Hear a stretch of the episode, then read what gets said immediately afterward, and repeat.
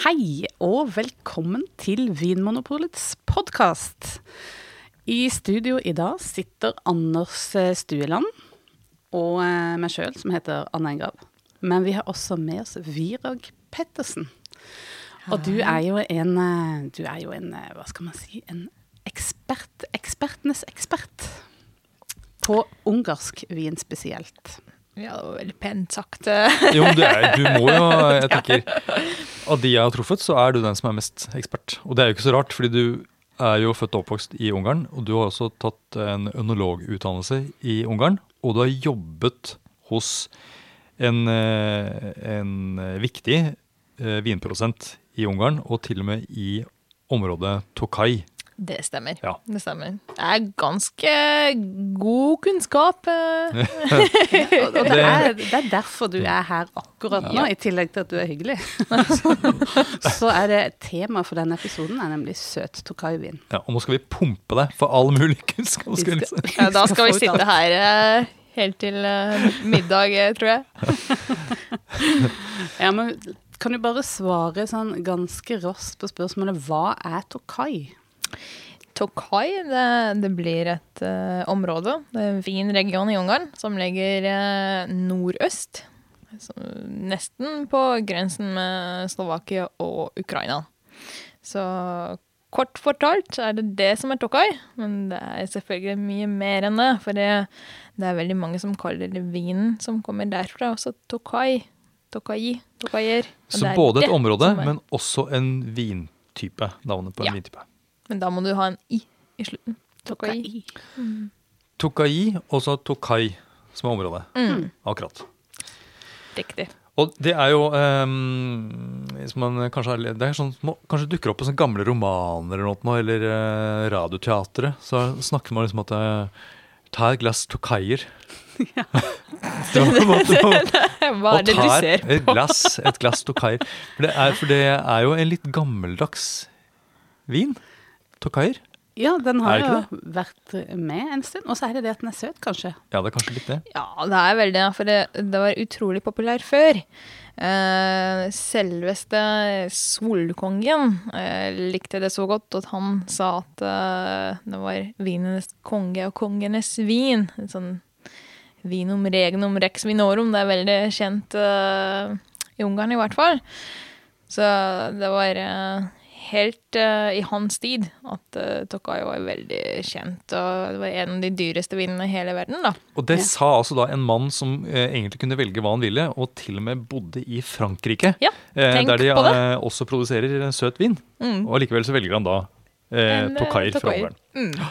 Ja. Poenget er i hvert fall at kult. dette er en klassiker i vinverden. Dette er en vin som har vært med lenge, og det er en eh, ja, en av de eh, store bautaene i vinverden, vil man si, Ja. kanskje. Ja, Mm. Uten at det egentlig blir så fryktelig dyrt, da. Nei, Så det er mye like her. og så er det i ferd med å nesten bli litt glemt. Ja.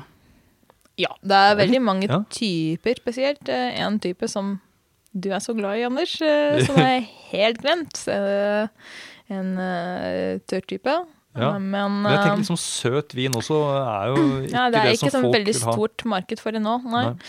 Uh, Kina uh, startet å kjøpe veldig store mengder nå i det siste, så det hjelper litt, i hvert fall. Akkurat. Men den produksjonen må gå ned litt.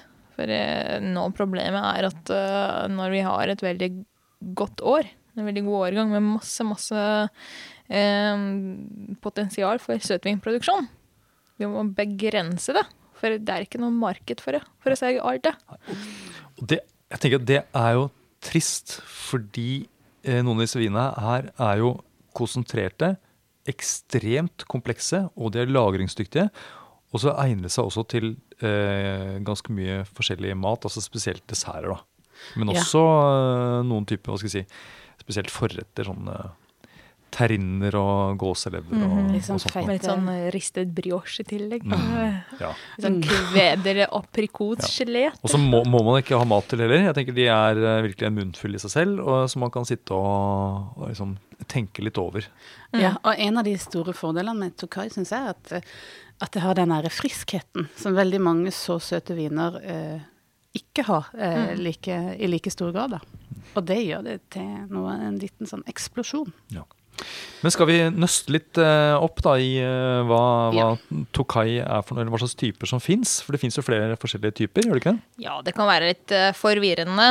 Um, så jeg håper at denne podkasten hjelper kunden litt til å velge riktig Tokai-vin. Ja, Men felles for alle så er det det at det er lagd med, med, druer som har botrytis, ikke sant?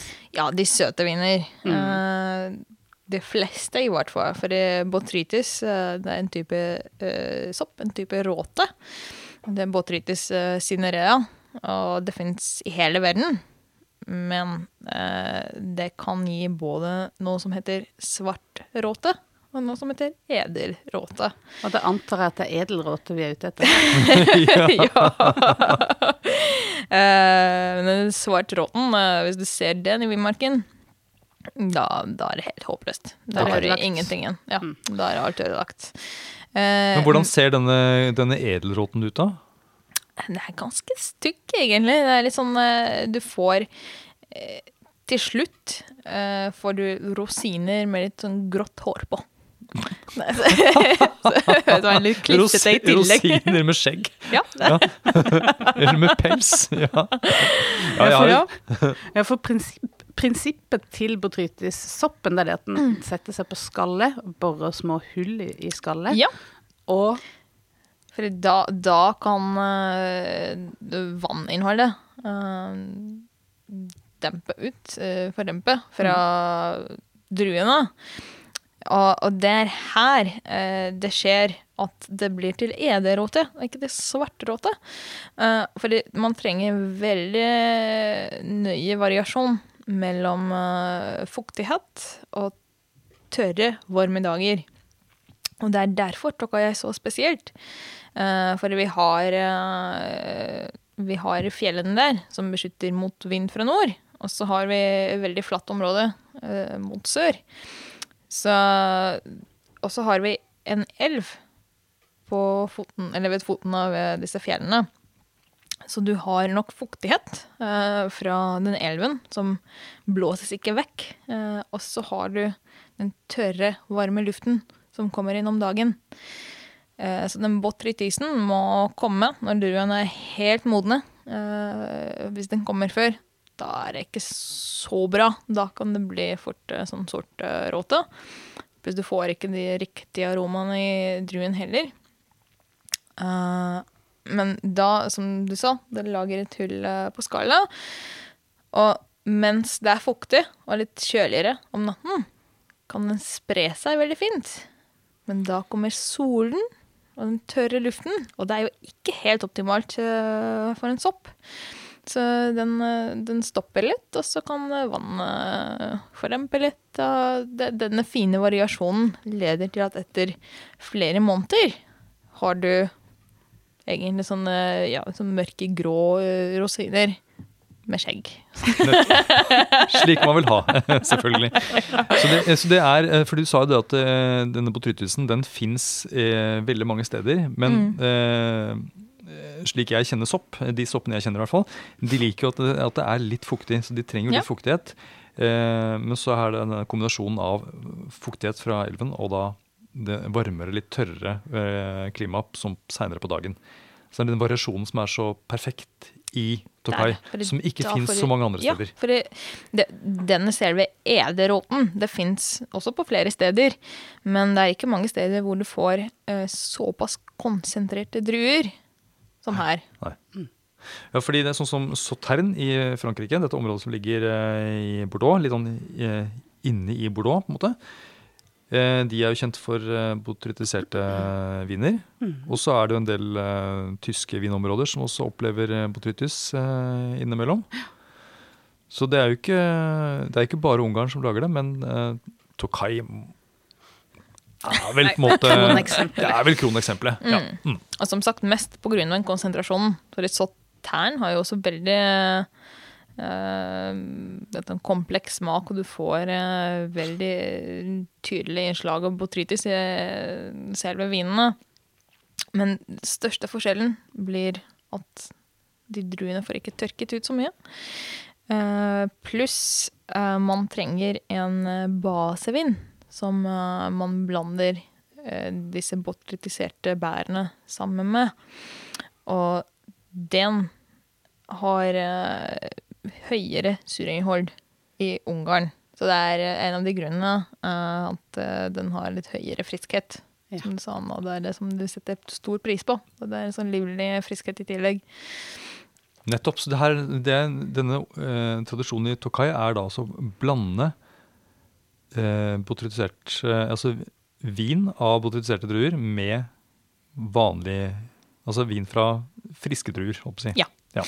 Og, de, og hvis dere tenker på det, det er jo helt perfekt. For det, um, det fins fem forskjellige druetyper i Tokai som er tillatte.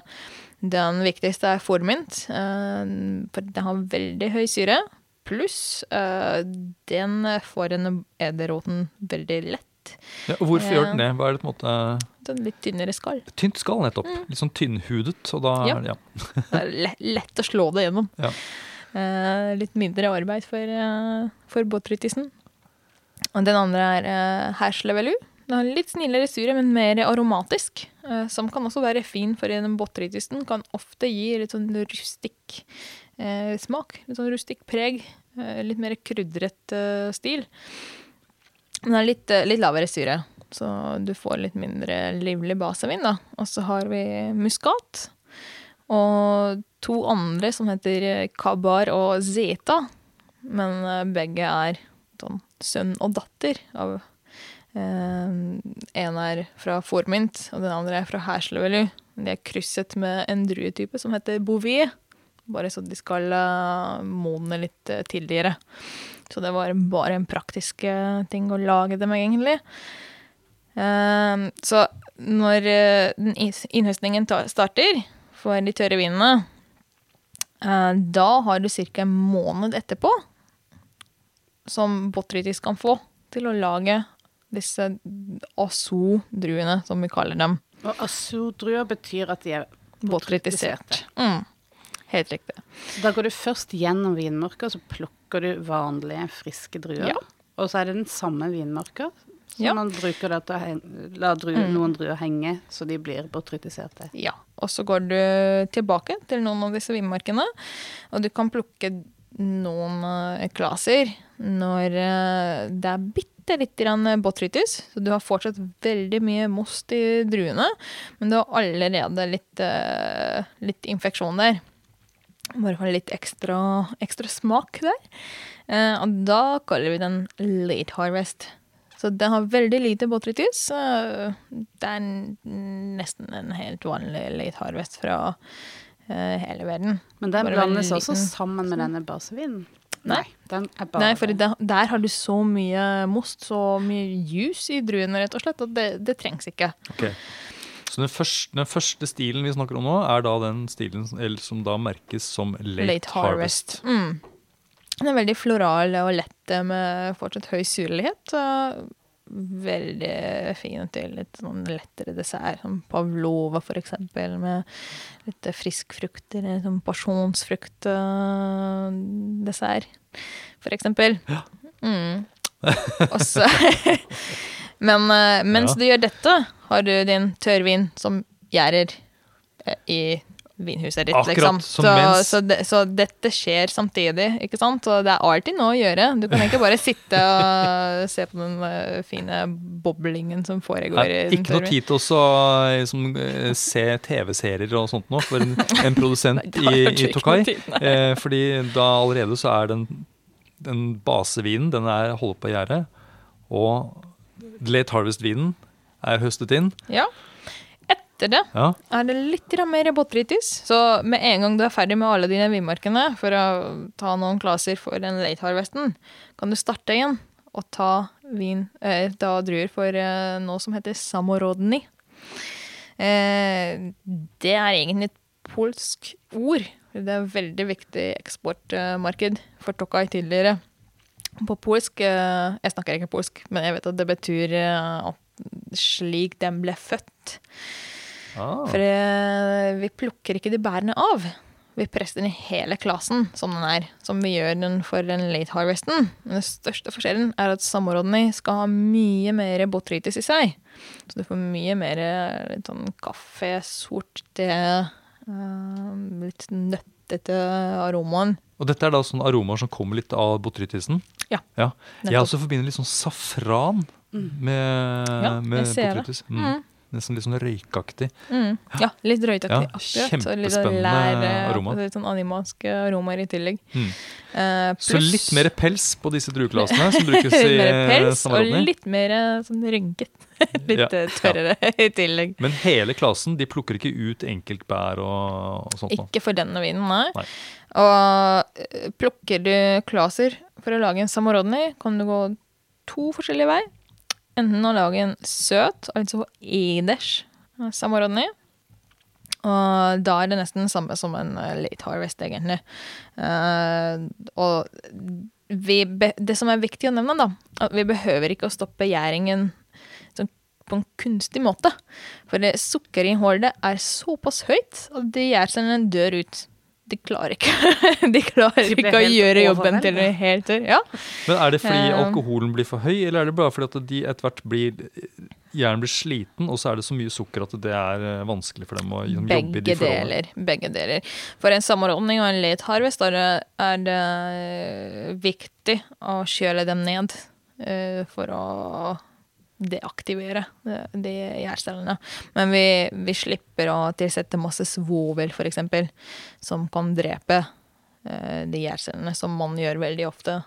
eh, med andre viner. ja, det går mer av seg selv. Ja. Mm. Men hvor høy alkohol er det vi snakker om her, da? Late Eh, harvest. Men eh, late harvest kan du få 12. 11-12 prosent. Mm. Men uh, Nå snakket du om da en, en- du hadde den, den søte samarodden, Mm. eders, som du kalte det. Ja. Og så fins det da en tørr. din favoritt, den tørre, tørre Samarodnien. Eh, Ja. Det er veldig få produsenter som uh, forsøker å lage det. For det er veldig tidskrevende. Så det er veldig mye penger som sitter inne. Og så av de produsentene som jeg kjenner, i hvert fall, som selgere, det, det er bare fire som produserer det nesten hvert år. Og alt de produserer, går rett til Anders Stueland. Som er verdens største fan det, ja. av denne vinen. Ja, men kan du ikke For det er jo noen spesielle, det er en spesiell måte å lage vin på. eh, I tillegg til at det er klaser med botrytiserte druer. Ja, det blir egentlig eh, samme metode som en fin og sherry.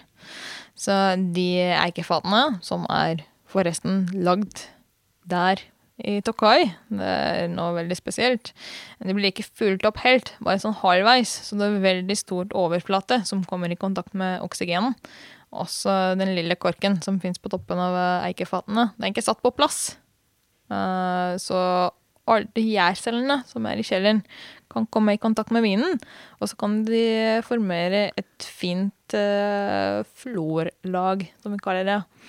Ehm, Sånn snerk av, eh, eller på en måte sånn tykt lag av Det Teppe gjær. av gjær, rett og slett. Mm. Snerk. Men det formerer seg ganske uh, sakte, da. Eh, så mens eh, det skjer, har du veldig mye alkohol eh, som fordemper, og så får du litt oksidasjon. Og det er veldig spesielle aromaer som kommer frem. Som mye mer nøttete aromaer og veldig krydret, da. Mm. men disse vinene er uh, gjæret ut helt til det tørre. Så i utgangspunktet har du veldig høy alkohol, 15-16 eh, men, det er, eh, men det er lagret såpass lenge i de fatene at eh, når alkoholen fordemper litt, da kan vi starte å gjære igjen. Litt Mm. Så du har en litt sånn fin balanse. Eh, men til slutt får du ca. 11-12% også der. Ikke så mye, mye mer enn det. Det er ikke vanlig. Og da får man en vin som har en sånn pussig kombinasjon av aromaene til en potetisert, altså sånn søt vin, og noe sherryaktig. Ja. Så Ja. jeg tenker på hvis ja, de som kjenner til Van Jaune, f.eks., fra um, Jura i eh, Frankrike Det er noe litt lignende det. Mm. Men, eh, Ja, det er ganske like i stil. eh, Mm. men det er en spesialitet Ja, det er det. som det er det. kanskje er på vei tilbake. Kanskje. Det er litt sånn hipstervin. eh, Hipstervin. I, I Ungarn er det fortsatt sett på sånn eh, gammeldags eh, vin. Så det er mest eh, de mennene over 70 som eh, tenker på det. Okay. Men Druer med skjegg for menn med skjegg. ja.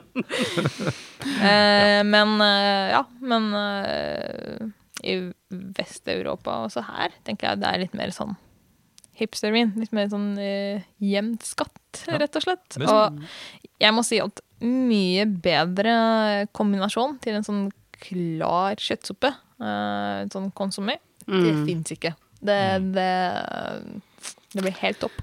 Det, det kan jeg også skrive under på, for det har vi nemlig testa. Det er er det det? Ja. Eh, men vi har ennå ikke begynt med liksom rosinen i pølsa. Eller altså, det er flere rosiner faktisk i denne pølsa her. Det er ganske mange. ja. Flere kurver. Fordi nå kommer vi liksom til det som eh, kanskje de mest kjente eh, Tokai-vinene. Mm. Ja. Ja. Som heter vel asu, som uh, selve druene. Som uh, Og asso betyr botrytis. er botrytiserte druer. Det har egentlig ikke noe ekstra betydning. Det er så spesielt ord for, uh, for uh, Ja, rosiner med skjegg. ja, for det er, ikke, det er et ungarsk ord for, for pels eller for skjegg. nei, nei, nei. Det, det betyr ingenting. Um, ja, så hvis vi tenker igjen på det vi gjør i løpet av høsten Nå har vi uh, innhøstet alt for vår samordning og late harvest-vin. Da er det tid å dra tilbake flere ganger. Da må du gå over mange, mange ganger eh, til eh, et vinmark nesten hver uke. Fordi du må plukke av de tørreste, beste druene. De som ser ut som skikkelig oljete, klissete rosiner. Eh, med mer eller mindre skjegg på. Det skal du plukke ut. Eh, I de gamle dagene hadde folk en sånn bøtte nesten på ryggen som heter potton. Så det som dere ser på etiketten, det er det. Er det. Den bøtten. Eh, den, hva står ordet potton? Putton. Det høres ut Putton. som eh, trøndersk. Putton. Putton. Put, putten i putton. Putten i putton. Ja. Ja, det Ja. er kanskje det kom I- i bøtta. Altså. Ja. Norske gjestearbeidere. Ja, for der stå, det står jo da putonjos Ja. på eh, en del av disse Etiketten, ja. Jeg skal eh, forklare det Ja, snart. det er bra. Ja, eh, gjør det. hvordan. Mm. Men en pottan, altså en bøtte, har eh, den kapasiteten på ca. 25 kilo eh, av disse botrytiserte druene. Men det er veldig lett å tørre. Da. Nesten bare skall igjen. Det er veldig lite juice. Det er nesten oljete sukker og glyserin, egentlig. Eh, en person som har god erfaring, som eh, alle de eldre damene som har gjort dette hele sitt liv, eh, kan plukke ca. 10-11 kilo i løpet av en eh, arbeidsdag. Oi. Eh, jeg eh, klarte å plukke seks. Det er veldig vanskelig, for du må se litt sånn ordentlig om eh, det er ikke noe For det er veldig mange insekter og vepser som liker å sånn, være rundt der, ikke sant? Og hvis du har noen i den, eller noe vepseegg, for eksempel, det er jo veldig ekkelt, så det kan du ikke plukke, så du må sjekke ordentlig. Um, og det går jo så fort for dem, men Rosin for bort. rosin skal da plukkes og sjekkes. Og, Ja. ja. Og, og tenk hvor hardt arbeid det er. eh, De bratte skråningene med masse insekter og pepser rundt deg. Du er klissete helt i albuene. Eh, Du må stå hele dagen. Ja, det, det er veldig hardt arbeid. For dette er umulig å gjøre med maskin, selvfølgelig. Ja, det Ja. er vel det. det, er vel det. Eh, så vi har Ja, så, så du plukker druer, og så putter du den oppi denne potongen som du har på ryggen. Eller nå, nå bruker vi bare sånne containere, da, som eh, vi har på bakken, så det er litt mer eh, ergonomisk. Litt mer HMS. ja, litt mer HMS. Um, og vi har uh, en veldig spesiell uh, eikefat som vi bruker bare for ASO-produksjonen, som er 136 liter. Eh, det er veldig sånn spesiell størrelse på det. Og den basevinen ble gjæret ut i den, som du startet for eh, to måneder før. Uh, og for å få en vin som blir tre for eksempel, som du ser på etiketten, tar du eh, denne eikefatet, så 136 liter med tørrvin, du heller den oppi en svær container, og så heller du tre sånne potonjer, tre bøtter, med sånne håndplukkede asodruer oppi, og så massererer du det godt sammen. Lar det trekke sammen, liksom? Ja. Mm. Hvor lenge er det snakk om? da? til Det er sånn et døgn, cirka. Eh, med, med fot var det bare noen timer, da. Så da var det litt, mer, eh, litt høyere ekstraksjon på den måten. Uh, nå får de bare litt sånn, ligge litt sammen. Det er en sånn rotasjonstanker som vi bruker. Litt mer moderne teknologi. Så da blandes de bare sånn en gang imellom. Og, og, og i, men, når, dette skjer, da, eser disse rosinene litt ut? eh, når de liksom får ligge og trekke i, i vinen? Ja, det er det. Så du må presse den en gang til. Eller, de trekker til seg mossen, så det, blir det ser nesten som eh, hele druer igjen eh, etter hvert. Eh, Så etter det er det nesten sånn vanlig vinproduksjon. Så du presser den, også, men den må være veldig skånsom. Fordi det er veldig mye eh, sånn fenoler som kan gi veldig sånn bitter smak i slutten. Uh, siden du har så masse skall der. Uh, så det vil du ikke få ut. Er det noe stilker med oppi dette her, eller? Er det, Nei, nei, for du har, jo, du har jo Mm. bare bærene som du har håndplukket, ikke sant. Eh, du plukker ikke sånn hele klaser. Så da presses eh, disse druene på en måte, som har liksom svellet opp fra der Ja. rosiner, og så Og så er det får man da ut en, en, en blanding da av veldig, veldig søt most og vin. Så det er jo da allerede alkohol Mm. da, i denne Ja. Ja. Og det er derfor det er øh, høy alkohol allerede. Pluss eh, litt ekstra sukker. Eh, og veldig mye botrytis. Og botrytis eh, Det er veldig sånn dominant, da. Den liker ikke som vanlig gjærsopp. Eh, det, det, Så det er en sånn kamp det. som foregår Ja, det er en inni, sånn kamp, akkurat. inni så- det Så derfor å få den uh, gjæret ut til et visst nivå, det tar flere måneder. Så da går det da sakte, sakte, sakte? Det er veldig sakte. Du, får, ja, sånn det- du må nesten nå, sånn sitte ved siden av den bøtten og, for å se en plopp. Men Um, hva, altså tenk på Hvis da en produsent opplever at det, det, det kommer ikke i gang, det bare eller stopper opp hva, ja, ja, det er litt avhengig av hvor, hvor lenge den stopper, da. ja. Men uh, hvis ingenting skjer i løpet av to døgn, eksempel, da er det bare å tilsette helt vanlig sånn Saharomises uh, gjærstammer. ja, nettopp. Litt mer det, mer det får du kjøpt i butikken. Du sender inn forsterkninger, rett og slett, Ja, til, det er det. eh, Det er til gjærsoppen. Ja. Du må redde de Kan som man er igjen prøve å varme litt opp også? Sånn, gjøre forholdene Mm, litt egentlig bedre? nei, for da kan du miste aromer. Mm. Pluss vi snakker om ganske store mengder, da, så Ja. det er ikke så lett å, å varme dem opp. Vi bruker heller øh, sånne kåper, på en måte, som kjører dem ned. Ja. For å få en veldig øh, treig gjæring, eller sånn sakte gjæring. Da får du mye bedre aromaer. Eh, men øh, men, men det får alle leve med, liksom.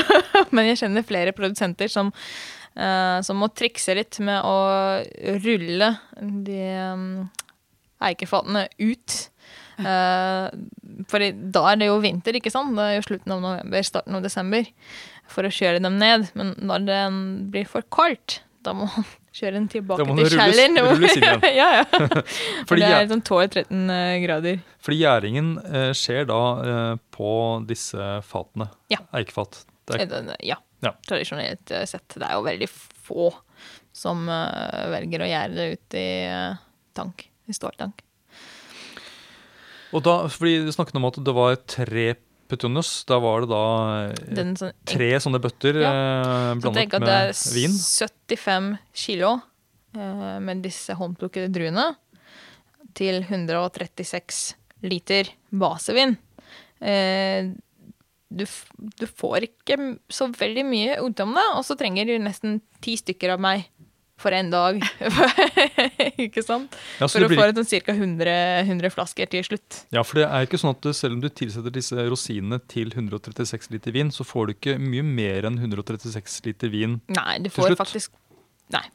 Nei, for det, du har veldig mye sediment som uh, blir sittende på bunnen, og så fordempes en del eh, i løpet av gjæringsprosessen. Og, Ja, og så er det så lite væske i disse rosinene fra før. ja, Ja. ja, det er jo ingenting. Mm. Det er nesten ingenting. Men så har jeg også sett at det står noen ganger fem putonios og seks putonios på ja, eh, flaskene. men da er det samme logikk, bare at det samme mengde vin, altså 136 liter.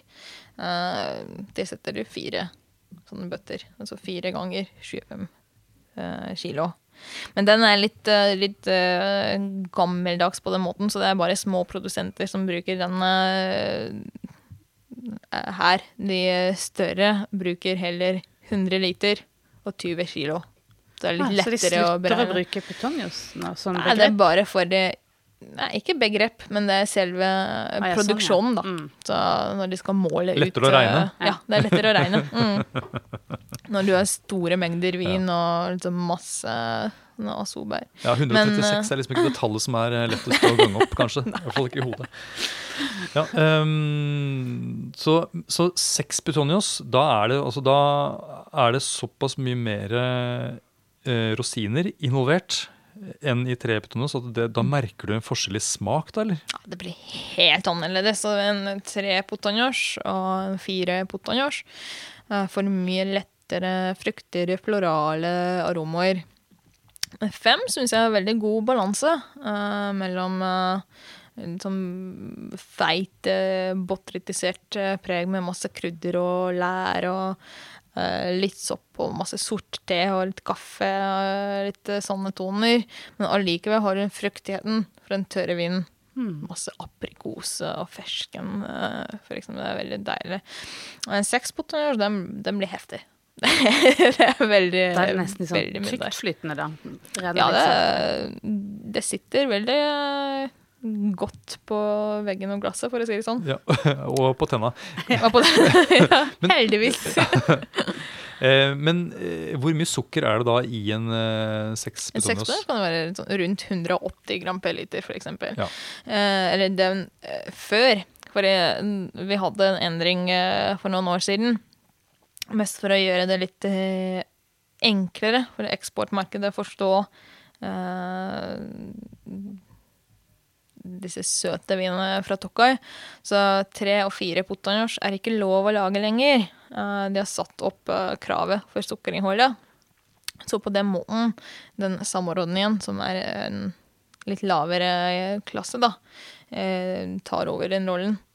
Eh, og en fem og seks potanjers også, det, det kan lages, og du kan fortsatt sette fem eller seks potanjers på etiketten, men det er ikke et krav lenger. For du vet at det må inneholde minst minste fem uh, potanjers nivå, eh, på en måte. Eh, og før, og, dette syns jeg er veldig lurt, at de har fjernet eh, noe som het aso essentia. For hvis du hadde mer enn 180 gram per liter sukker i din Asso-vin, eh, da, da var det mer enn det som var et krav for potanjers, så da kunne du kalle det for en Asso Essentia. Eh, men det var ikke noe mer spesielt enn det. Om at Det er en sånn seks pluss. Ja. Eh, men det var veldig mange som blandet det sammen med noe som heter Essentia, uten Asso foran. Og det er ganske spesielt. Ja. Og det er veldig spesielt. Og det er jo Noe av det mest spesielle i vinverdenen. Ja, Kanskje? det er det. Ja. Litt vanskelig å selge det i Norge, for det, du kommer ikke høyere enn eh, 3 og 4 prosent, så vi, vi kan ikke selge det, selge det på Vinmonopolet. Nei, Nei, det, vi kan ikke ha det. nei det, er, det er faktisk sant. Det er en vin som ikke, ikke vi kan selge. Eh, Ja. For vi selger da vin eller alkoholholdige produkter på 4,7 og Mm. oppover. Mm.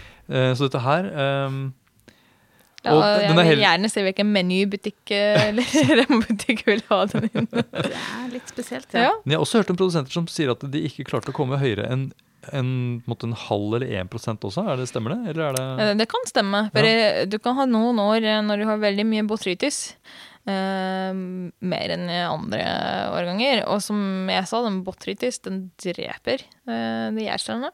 Så det, selve essensian, da. ja, Du må fortelle hva det er for noe, for Ja. det er så spesielt. Uh, så da tar du bare disse håndplukkede skjeggete rosinene og du legger dem opp i en svær tank, så du får mer enn 600-700 kilo, og du lar dem stå der i flere døgn.